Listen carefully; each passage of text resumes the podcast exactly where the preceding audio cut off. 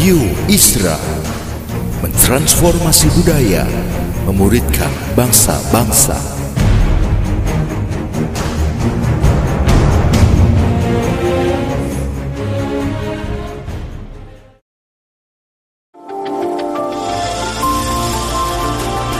Voice of Pradaim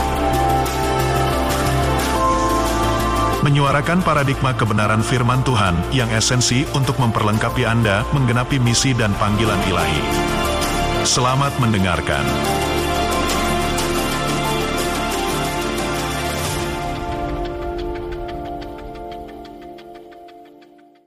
Thomas Guthrie adalah seorang hamba Tuhan yang hidup di abad ke-19 dan yang sangat berpengaruh di Skotlandia, wilayah Inggris.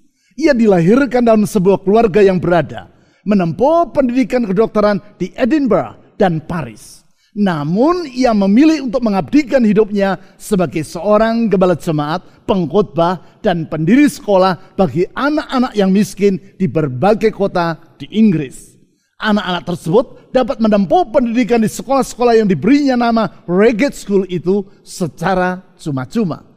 Kefasiannya dalam berbicara menjadikan yang bersangkutan di masa hidupnya dikenal sebagai seorang pengkhotbah yang paling populer di Skotlandia. Suatu hari di dalam ibadah minggu pagi, Thomas Guthrie berdoa agar Tuhan menurunkan hujan. Memang saat itu sedang terjadi kemarau yang sangat panjang di Skotlandia. Sore hari, ketika ia dan istrinya akan berangkat ke gereja untuk melayani ibadah petang, putrinya yang masih berusia bocah, Mary, berkata kepada Thomas Guthrie, ini payungmu papa. Sambil berkata demikian, Mary menyodorkan sebuah payung kepada ayahnya. Apakah kita perlu membawa payung? Tanya Thomas Guthrie dengan keheranan kepada putrinya. Sebab saat itu cuaca sangat cerah dan langit sama sekali tidak berawan. Menanggapi pertanyaan ayahnya, Mary menjawab, Tadi di dalam ibadah pagi, engkau berdoa agar Tuhan menurunkan hujan. Dan sekarang engkau tidak berharap bahwa Tuhan akan menjawab doamu? Mendengar perkataan putrinya ini, dengan tersenyum tersipu-sipu, Thomas Guthrie mengambil payung yang diberikan oleh putrinya.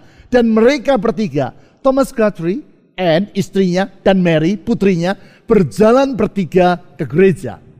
Keyakinan Mary bahwa Tuhan pasti akan menjawab doa ayahnya dan tindakan Thomas Guthrie dalam menuruti perkataan putrinya yang masih bocah tersebut tidaklah sia-sia. Petang itu menjelang ibadah akan selesai, hujan turun dengan lebat. Karena sudah membawa payung, maka mereka dapat berjalan pulang tanpa menjadi basah oleh karena air hujan. Pertanyaannya sekarang adalah, siapakah yang memiliki iman yang lebih teguh? Thomas Guthrie yang dalam ibadah pagi di gereja telah berdoa agar Tuhan menurunkan hujan, atau putrinya Mary yang mendesak ayahnya agar membawa payung karena ia percaya bahwa doa ayahnya tidak akan sia-sia. Tak dapat disangkali bahwa Mary yang masih berusia bocah tersebut memiliki iman yang lebih teguh dibandingkan ayahnya yang adalah seorang pengkhotbah yang sangat terkenal itu. Memang di dalam Alkitab kita dapati bahwa ada kalanya orang-orang yang biasa justru dapat memiliki iman yang lebih teguh dibandingkan para pemuka agama. Salah satunya yaitu iman dari seorang perwira tentara Romawi yang bertugas di Kapernaum. Sedemikian teguh iman yang bersangkutan. Sehingga dicatat bahwa Yesus pun merasa kagum. Tidaklah mengherankan apabila pengharapan yang ada di dalam hatinya dikabulkan oleh Tuhan. Sebelum saya meneruskan uraian firman Tuhan ini, saya terlebih dulu ingin bertanya, apakah harapan Anda untuk tahun ini? Pertanyaan ini sudah saya ajukan dalam khotbah saya minggu yang lalu. Ya, apakah harapan Anda untuk tahun ini? Entah pengharapan tersebut berkaitan dengan kehidupan rumah tangga, atau berkaitan dengan usaha dan pekerjaan, atau tentang masa depan, atau kesehatan saudara. Di sepanjang bulan ini, saya mengajak saudara untuk membangun dasar yang teguh bagi pengharapan tersebut. Dasar yang teguh, yaitu iman yang kokoh Supaya dengan demikian sama seperti perwira tentara Romawi di Kapernaum yang telah saya sebutkan tadi. Pengharapan saudara bukan merupakan pengharapan yang hampa, namun pengharapan yang akan menjadi kenyataan. Untuk melihat dan menelaah iman dari perwira tentara Romawi ini, mari kita membaca Lukas pasal 7 ayat 1 sampai 10. Untuk itu, mari kita membaca ayat 1 sampai 5 terlebih dulu. Lukas pasal 7 ayat 1 sampai 5. Setelah Yesus selesai berbicara di depan orang banyak, masuklah ia ke Kapernaum. Di situ ada seorang perwira yang mempunyai seorang hamba yang sangat dihargainya.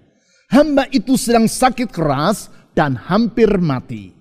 Ketika perwira itu mendengar tentang Yesus, ia menyuruh beberapa orang tua-tua Yahudi kepadanya, kepada Yesus, untuk meminta supaya ia datang dan menyembuhkan hambanya. Ayat 4, mereka, yaitu para tua-tua Yahudi tadi, datang kepada Yesus. Dan dengan sangat mereka meminta pertolongannya, katanya, ia layak engkau tolong Sebab ia mengasihi bangsa kita dan dialah yang menanggung pembangunan rumah ibadat kami. Di sini dicatat tentang seorang perwira tentara Romawi yang bertugas di Kapernaum. Yang bersangkutan memiliki seorang hamba yang sedang sakit keras, bahkan hampir mati. Ditulis di ayat 3 bahwa perwira ini mendengar kabar tentang Yesus. Menilik dari apa yang ia lakukan, yaitu sudah ia mendengar berita tentang Yesus tersebut, dapat disimpulkan bahwa ia mendengar tentang bagaimana Yesus telah melakukan berbagai mujizat di banyak tempat, termasuk di Kapernaum. Karena itu, ia meminta para pemuka masyarakat Yahudi di Kapernaum untuk menjumpai Yesus dan memohon pertolongan Yesus bagi hambanya itu. Di ayat-ayat selanjutnya ditulis bahwa permintaan tersebut dikabulkan oleh Yesus. Dan oleh karena itu, bersama dengan para tua-tua Yahudi tadi, Yesus berjalan menuju ke rumah si perwira tersebut. Namun di tengah perjalanan datanglah utusan yang berikutnya dari perwira tadi. Mereka menyampaikan pesan dari sang perwira, yaitu bahwa Yesus tidak usah bersusah-susah dengan datang ke rumahnya demi menyembuhkan hambanya. Ia percaya apabila Yesus mengucapkan sepatah kata saja, maka hambanya pasti akan sembuh menanggapi pesan yang disampaikan oleh sang perwira tadi, di ayat 9 sampai 10 dicatat tanggapan Yesus sebagai berikut. Lukas pasal 7 ayat 9 sampai 10. Setelah Yesus mendengar perkataan itu, ia heran akan dia. Dan sambil berpaling kepada orang banyak yang mengikuti dia, ia, Yesus berkata, Aku berkata kepadamu, iman sebesar ini tidak pernah aku jumpai sekalipun di antara orang Israel. Dan setelah orang-orang yang disuruh itu kembali ke rumah, didapatinya hamba itu telah sehat kembali. Di sini dicatat bahwa sesudah mendengar pesan yang disampaikan oleh perwira tadi, Yesus pun merasa heran. Perlu dipahami bahwa kata heran yang dimaksudkan di sini Bukan dalam arti Yesus merasa terkejut karena apa yang terjadi berada di luar dugaan dirinya. Ingat bahwa Yesus adalah pribadi yang maha tahu. Sehingga ia tidak pernah merasa kaget, terkejut dan berkata, oh ya beneran nih, aku nggak nyangka loh. Nah, kalau kita bisa seperti itu karena kita adalah manusia biasa yang pengetahuannya terbatas. Sehingga ketika mendengar informasi yang belum pernah kita ketahui, apalagi di luar dugaan kita, maka kita akan merasa heran dalam artian terkejut atau kaget. Tetapi tidak demikian halnya dengan Yesus. Ia tidak pernah merasa kaget atau terkejut sehingga menjadi terheran-heran karena dia adalah pribadi yang maha tahu. Sebelum sesuatu terjadi, dia sudah mengetahuinya terlebih dulu. Apa yang tidak nampak secara kasat mata, ia dapat melihatnya. Apa yang tidak pernah diduga oleh manusia, ia juga mengetahuinya. Lalu apa yang dimaksud dengan kata heran di ayat 9 ini? Kata heran di situ dalam bahasa Yunani adalah taumazo yang artinya adalah to admire atau marvel, yaitu kagum. Mengapa Yesus merasa kagum? Karena seperti yang lebih lanjut ia jelaskan di ayat 9, yaitu karena iman sebesar seperti yang ada pada diri perwira Romawi ini tidak pernah Yesus jumpai sebelumnya. Bahkan di antara orang Israel pun iman yang sebesar itu belum pernah ia jumpai. Padahal perwira ini bukan orang Yahudi atau orang Israel. Yang bersangkutan bukan seorang imam, yaitu pemuka agama Yahudi. Namun seorang perwira tentara Romawi yang notabene ada tentara dari negara dan bangsa yang menjajah Israel. Namun ia memiliki iman yang lebih teguh dibandingkan iman yang ada di antara orang Yahudi terhadap Yesus. Itu sebabnya Yesus merasa kagum terhadap iman yang bersangkutan. Bukan itu saja. Sebagaimana yang dicatat di ayat 10. Kita dapat melihat bahwa pengharaman dalam diri sang perwira tadi.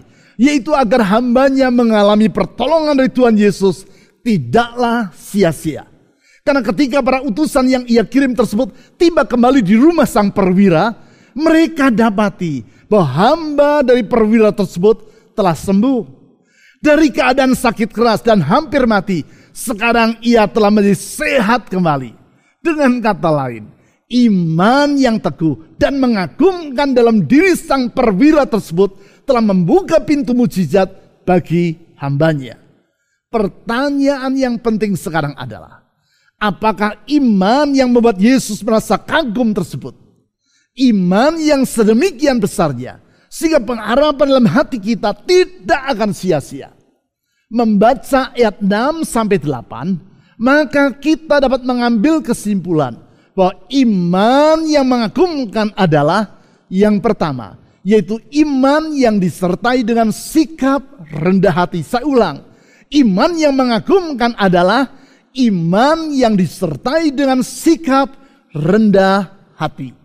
Hal ini telah saya jelaskan dalam uraian firman Tuhan pada minggu yang lalu. Yaitu ketika saya mengajak saudara untuk melihat iman yang ada dalam diri seorang perempuan kanaan yang memohon pertolongan Tuhan Yesus bagi anak perempuannya yang menderita karena kerasukan setan.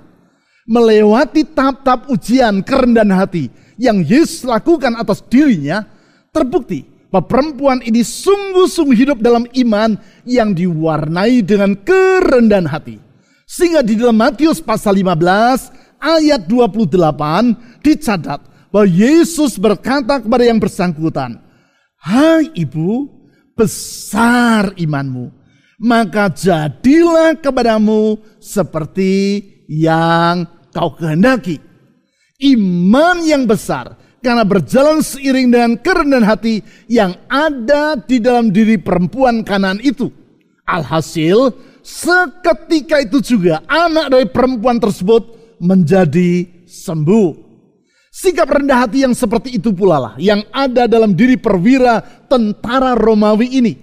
Dalam kerendahan hatinya, ia menyadari bahwa sesungguhnya di hadapan Yesus, dirinya adalah pribadi yang tidak layak Kesadaran dirinya ini dicatat dalam Lukas pasal 7 ayat 6 sampai 7 sebagai berikut. Lukas pasal 7 ayat 6 sampai 7. Lalu Yesus pergi bersama-sama dengan mereka. Ketika ia tidak jauh lagi dari rumah perwira itu, perwira itu menyuruh sahabat-sahabatnya untuk mengatakan kepadanya, Tuhan, janganlah bersusah-susah. Sebab aku tidak layak menerima Tuhan di dalam rumahku. Sebab itu aku juga menganggap diriku tidak layak untuk datang kepadamu. Tetapi katakan saja sepatah kata, maka hambaku itu akan sembuh. Di sini dicatat tentang bagaimana perwira tadi menyampaikan pesan, yaitu bahwa ia tidak layak menerima Yesus di dalam rumahnya. Tentu hal itu bukan karena rumah yang bersangkutan adalah gubuk yang kumuh dan sangat sederhana. Sehingga tidak pantas untuk dikunjungi oleh Yesus. Bukan. Yang bersangkutan adalah seorang perwira. Atau dalam bahasa Yunani yaitu hekaton tarkes. Atau dalam bahasa Inggris yaitu centurion. seorang perwira yang membawa 100 orang prajurit. Dalam struktur TNI yaitu tentara kita yang bersangkutan setara dengan seorang komandan kompi. Perwira menengah yang menyandang pangkat mayor. Dan karena yang bersangkutan bertugas sebagai komandan teritorial di Kapernaum, sebuah kota pelabuhan yang cukup ramai di masa itu, maka dapat dipastikan bahwa ia tidak tinggal dalam rumah yang sederhana. Namun demikian, ia berkata bahwa ia tidak layak untuk menerima Yesus di rumahnya. Mengapa? Karena ia menyadari bahwa dia bukan seorang Yahudi. Sedangkan dalam pandangan orang Yahudi di masa itu, masuk ke dalam rumah orang bukan Yahudi merupakan hal yang najis.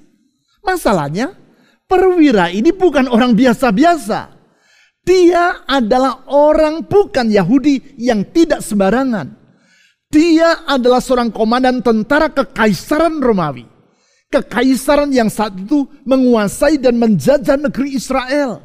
Artinya, kalau ia mau, ia boleh memanggil siapa saja yang berada di wilayah kekuasaannya untuk datang dan menghadap dirinya di rumahnya. Namun, justru dengan rendah hati, ia berkata bahwa dirinya tidak layak untuk menerima Yesus di rumahnya.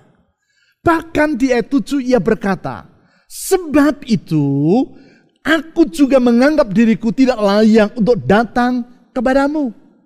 Jangankan menerima Yesus di rumahnya, menemui Yesus pun ia merasa dirinya tidak layak. Oleh karena itu, ia mengutus beberapa orang sahabatnya untuk mewakili dirinya dalam menemui Yesus. Ia lakukan hal itu bukan karena ia sedang sibuk dengan urusan yang lain dan beranggapan bahwa tidak usah dirinya sendiri yang menemui Yesus, namun cukup diwakilkan oleh orang lain. Bukan. Tetapi ia meminta para tua-tua atau pemuka masyarakat Yahudi dan sahabat-sahabatnya yang menemui dan berbicara kepada Yesus karena ia menganggap dirinya tidak pantas untuk menjumpai Yesus. Itulah kerendahan hati. Itulah iman yang tidak petantang petenteng di hadapan Tuhan. Dan mengancam Tuhan dengan berkata, Tuhan dengar, saya sudah dua kali berdoa. Kalau kali ketiga ini doaku tidak juga kunjung engkau jawab, awas, nanti engkau akan tahu rasa. Bukan, orang yang imannya teguh akan merendahkan dirinya di hadapan Tuhan. Ia menyadari bahwa sesungguhnya dirinya tidak ada apa-apanya di hadapan Tuhan. Ia menyadari bahwa ia memerlukan anugerah Tuhan. Anugerah yaitu kebaikan Allah yang ia terima bukan karena ia pantas ataupun berhak untuk mengalaminya. Namun semata-mata karena kebaikan Tuhan. Sehingga dengan rendah hati ia merendahkan diri di hadapan Tuhan dan memohon belas kasihannya. Itulah iman yang membuat Yesus kagum. Itulah iman dalam sikap rendah hati.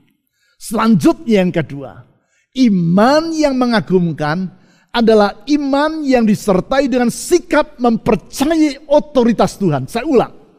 Iman yang mengagumkan adalah iman yang disertai dengan sikap mempercayai otoritas Tuhan. Orang yang beriman bukan sekadar percaya bahwa Allah itu ada. Namun terlebih lagi, ia juga percaya bahwa otoritas atau kuasa Tuhan bersifat tidak terbatas. Ia percaya bahwa dalam otoritasnya yang tidak terbatas tersebut, Tuhan sanggup melakukan apa saja yang ia kehendaki.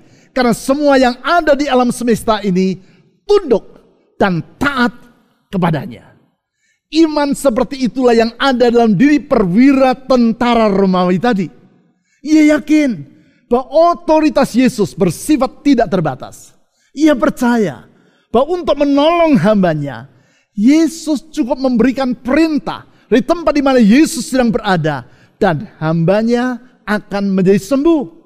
Hal itu dicatat di kalimat terakhir dalam ayat 7 yang telah kita baca tadi sebagai berikut. Tetapi katakan saja sepatah kata. Maka hambaku itu akan sembuh. Artinya ia percaya. Apabila Yesus mengucapkan perintah kepada penyakit yang sedang diderita oleh hambanya. Yaitu agar pergi meninggalkan tubuh yang bersangkutan, maka hambanya itu pasti akan sembuh.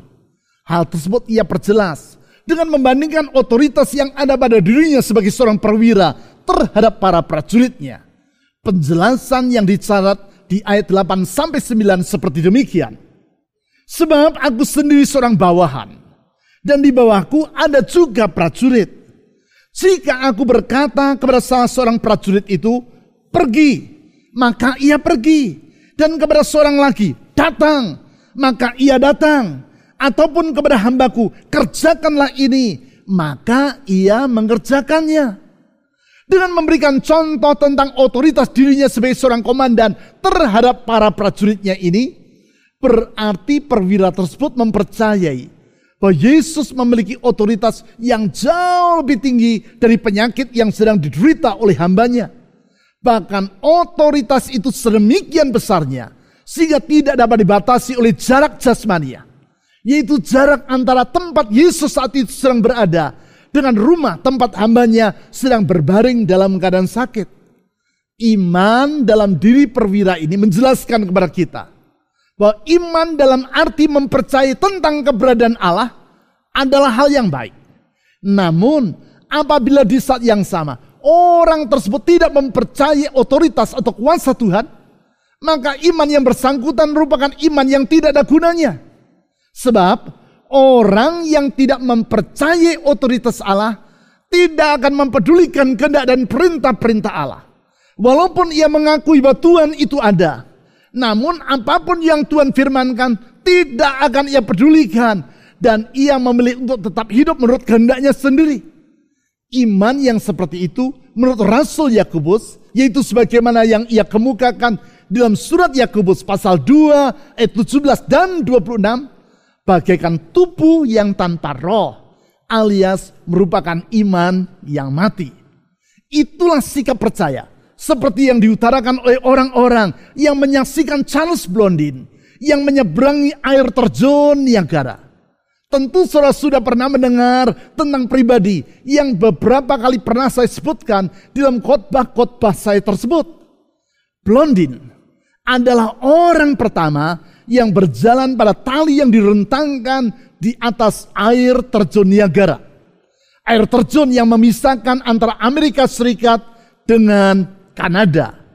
Kemahiran dan pengalamannya dalam berjalan pada tali yang terentang atau tie rope ini tidak perlu diragukan lagi. Suatu ketika, Charles Blondin berjalan menyeberangi Niagara sambil mendorong wheelbarrow atau kereta beroda satu yang biasa dipakai orang untuk membawa bahan-bahan bangunan. Di kedua sisi tebing Niagara, ribuan orang berjejal menyaksikan keberanian dan keterampilannya. Kali ini, ia berangkat dari sisi Kanada. Ketika ia berhasil sampai di sisi tebing Amerika Serikat dengan selamat, maka para penonton pun bersorak-sorai memuji-muji Blondin. Konon menurut cerita, sementara ia masih berdiri pada tali yang terentang tadi, Blondin bertanya kepada para penonton, apakah kalian percaya bahwa aku mampu untuk melakukannya lagi? Mereka semua berteriak, ya kami percaya. Kemudian sambil menunjukkan jari kepada kereta yang ia dorong, Blondin bertanya kembali, apakah kalian percaya bahwa aku akan mampu melakukannya dengan membawa seseorang di dalam kereta ini? Kembali para penonton itu berteriak, ya kami percaya. Lalu Blondin pun berkata, baik sekarang siapa yang bersedia naik di kereta ini untuk aku bawa ke seberang sana? Semua orang diam seribu bahasa. Orang-orang yang tadi bersorak-sorak itu sekarang semuanya bungkam. Tidak satu pun di antara mereka yang bersedia naik ke dalam kereta tersebut. Kepercayaan mereka terhadap Blondin hanya dalam bentuk kata-kata dan tidak diwujudkan dalam tindakan. Itulah iman yang mati seperti yang disebutkan oleh Rasul Yakobus tadi. Tetapi bukan iman seperti itu yang ada pada diri perwira tentara Romawi yang tidak disebutkan namanya tadi. Ia sungguh-sungguh percaya akan otoritas dalam diri Yesus. Sehingga ia bertindak. Yaitu dengan memohon agar Yesus tidak usah bersusah-susah datang ke rumahnya. Dan cukup mengucapkan sepatah kata saja di tempat di mana Yesus sedang berada. Dan ia percaya cukup dengan demikian saja. Maka hambanya pasti akan sembuh. Ini merupakan wujud dari iman yang sangat besar. Sedemikian besarnya sehingga Yesus pun merasa kagum atau yang diistilahkan dalam Alkitab kita dengan kata heran. Iman yang mengakibatkan pengharapan dalam diri perwira tadi berubah menjadi kenyataan. Karena sebagaimana yang ditulis di ayat 10 dan yang telah saya sebutkan tadi. Yaitu ketika orang-orang yang disuruh oleh perwira tersebut untuk menjumpai Yesus tiba kembali di rumah sang perwira. Mereka mendapati bahwa hamba itu telah sehat kembali. Bahwasanya seorang perwira tentara Romawi yaitu pribadi yang telah kita pelajari pada hari ini, dapat memiliki iman yang sedemikian besarnya sehingga dapat membuat Yesus merasa kagum, menunjukkan tentang pentingnya bagi kita untuk semakin bertumbuh di dalam iman. Pertumbuhan iman yang antara lain terbentuk oleh karena kita semakin mengenal Yesus dan bertindak dalam ketaatan sesuai dengan pengenalan kita akan dirinya. Bukankah hal seperti itu yang ada pada diri perwira tadi? Diawali dari mendengar berita tentang diri Yesus dan kemudian dalam kerendahan hati serta mempercayai otoritas Yesus, ia bertindak memohon pertolongannya. Tindakan iman dalam kerendahan hati dan mempercayai otoritas Yesus tersebut telah memulihkan masa depan dari hambanya yang semula sakit dan hampir mati. Berarti di sepanjang tahun ini, salah satu hal yang perlu kita lakukan untuk bertumbuh dalam iman adalah belajar untuk semakin mengenal diri Yesus. Semakin mengenal dia, termasuk melalui bergaul semakin akrab dengan Tuhan, melalui tujuh disiplin rohani yang telah saya uraikan secara panjang lebar selama tiga bulan berturut-turut dengan tema Refresh dan Rhythms for Life dari bulan Agustus sampai Oktober tahun yang lalu.